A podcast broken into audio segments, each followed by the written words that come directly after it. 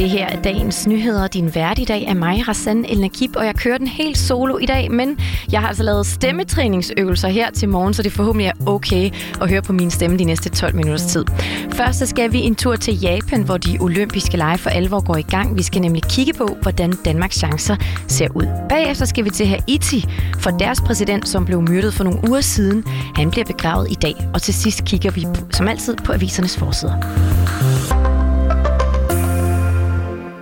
Ja, som sagt, så skal vi allerførst kigge på dagens helt store historie. Senere i dag, der bliver den olympiske fakkel nemlig tændt i Tokyo, og så er OL for alvor i gang. Men det er et lettere amputeret OL, må man sige, for som du måske allerede ved, så måtte det rykkes fra sidste år og et år frem, altså til i år på grund af coronapandemien, og selv samme pandemi er, har også resulteret i, at der i år ikke er tilskuer på lægterne.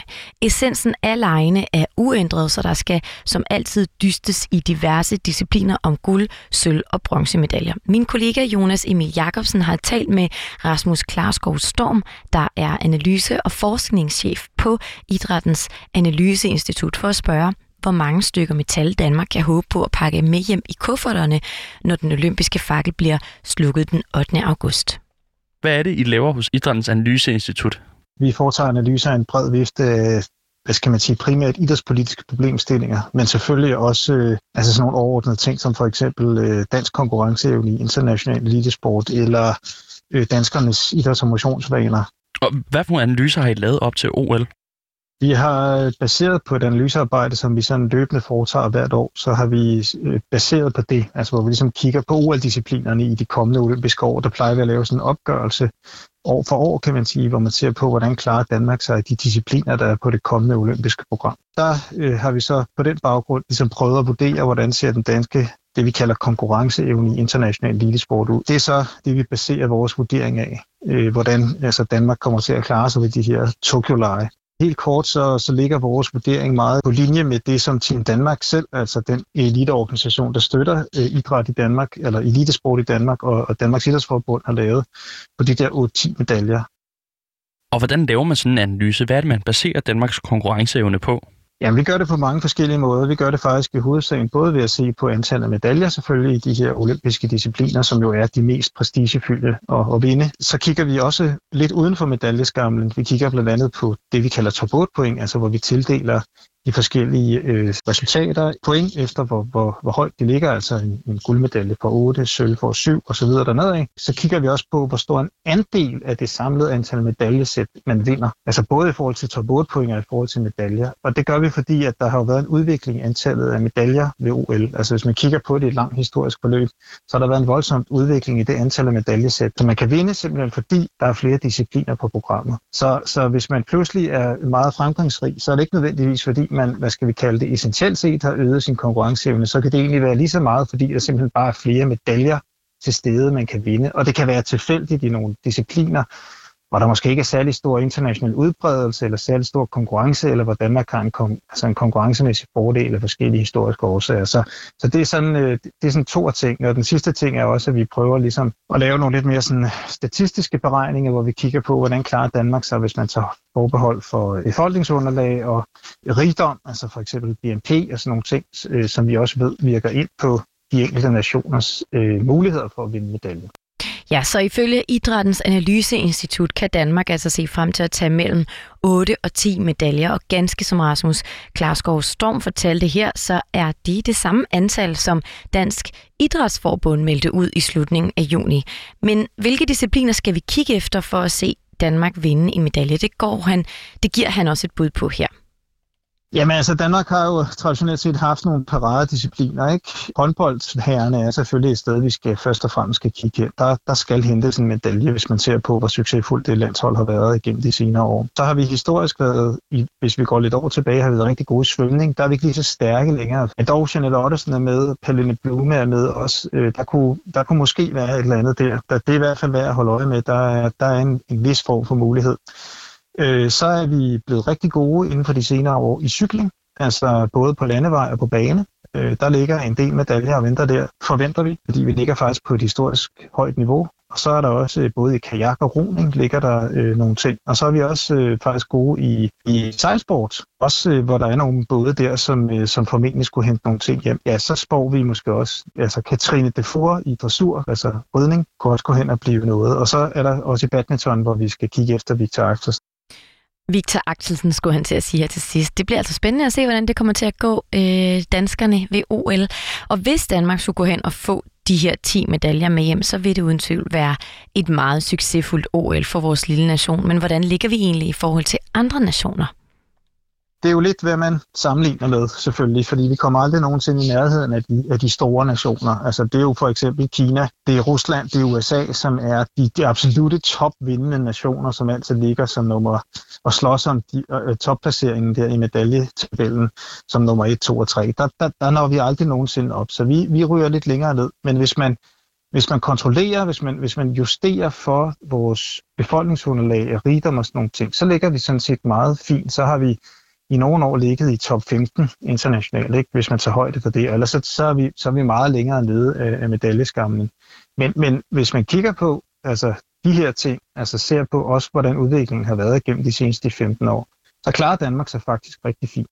Men der er en enkelt ting, man skal tage højde for, fortæller han, og det er næppe nogen stor overraskelse, hvad det er. Der er også en stor joker i det her, der hedder corona selvfølgelig, hvor ikke nogen rigtig kan forudsige, hvad har det af betydning. Altså det kan både være i forberedelserne, men det kan jo også være her, når atleterne skal i gang. Altså man kan forestille sig, at der er nogle atleter eller nogle grupper af atleter, som bliver smittet, som simpelthen bliver taget ud af turneringen. Og så vil det jo, hvis det rammer de store nationer for eksempel, det rammer et stort, lad os sige et helt atletikhold for eksempel, hvor der er rigtig mange medaljer på spil i atletikdisciplinerne, jamen så, øh, så kan det jo vende op og ned på, øh, på hele medaljetabellen. Og første dansker, der kunne være et potentielt medaljehåb, var allerede i aktion i nat.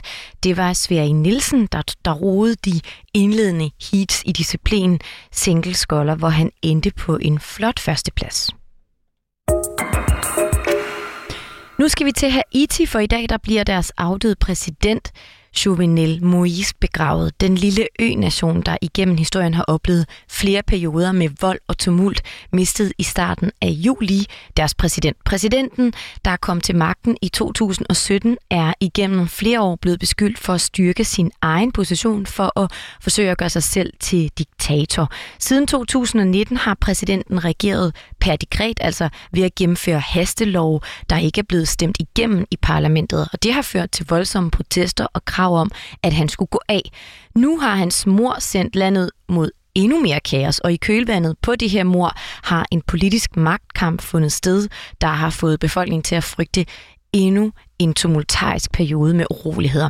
Men hvad skete der egentlig den tragiske nat i starten af juli? Det fortæller min kollega Jonas Emil Jacobsen mere om her. I kvarteret Pellerin 5, lidt uden for Haitis hovedstad Port-au-Prince, blev Jovenel Moïse skudt 12 gange natten til den 7. juli.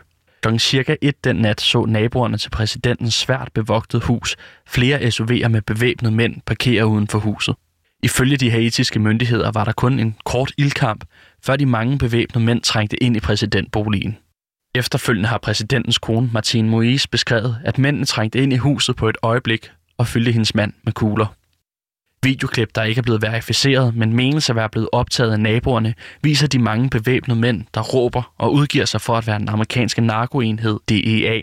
Den hurtige indtrængen har siden resulteret i, at chefen for præsidentens sikkerhed er blevet anholdt. Det lykkedes præsidentparets datter at gemme sig. Parets to andre sønner var ikke hjemme på tidspunktet. Præsidentens kone blev såret af skud og fløjet til USA for at blive tilset, og er siden vendt tilbage til Haiti. Men hvem kunne have gjort det her?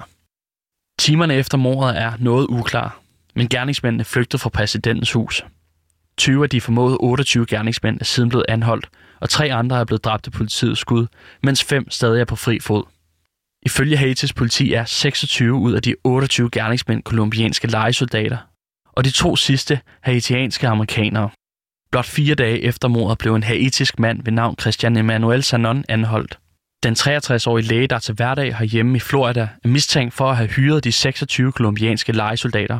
Han fløj i starten af juni til Haiti med politiske motiver, ifølge Haitis politichef Leon Charles. Ja, og umiddelbart efter præsidentens mor overtog Claude Joseph magten som fungerende premierminister, men blot få dage før sit mor, der havde præsidenten allerede udpeget en anden til jobbet, nemlig Ariel Henry. Den fungerende premierminister blev taget i ed i går, og han fortalte, at hans fornemmeste opgave er at sikre landets og at planlægge det kommende valg til september. Vi skal også lige nå et smut forbi avisforsiderne her til sidst. Allerførst kigger vi på politikken, for på deres forside er der hverken overskrifter eller fotografier. I stedet har de brydet den med tegninger af olympiske discipliner i anledning af, at lejene begynder i dag. Den bliver suppleret med en leder, der handler om fællesskab og den olympiske ånd. Information har i dag en historie på forsiden om de famøse soundboxe. De kan nemlig berette, at antallet af anmeldelser til politiet fra folk, der har følt sig generet af høj musik, er steget stødt over de seneste 10 år. Tallet er faktisk tredoblet til lige under 22.000 klager bare i 2020, og den udvikling ser ikke ud til at ændre sig, skriver avisen. I års første fire måneder har der nemlig været flere anmeldelser end normalt. Jyllandsposten har en historie om, at mange af de nye smittede med corona herhjemme er blevet smittet i udlandet. Faktisk er det lige under en femtedel, der har oplyst til Styrelsen for Patientsikkerhed, at de formoder, at de blev smittet i udlandet. Det betyder, at det tal er tredoblet alene i i løbet af juli måned, og to af de fem PCR-testcentre med højst positiv procent er henholdsvis det i Billunds Lufthavn og Københavns Lufthavn. Således oprundet her mod slutningen af denne udgave af Dagens Nyheder. Hvis du har glemt mit ellers virkelig simple navn, så får du det her igen. Jeg hedder Rassan El Nakib. Udsendelsen var tilrettelagt af min kollega Jonas Emil Jakobsen. Tak fordi du lyttede med.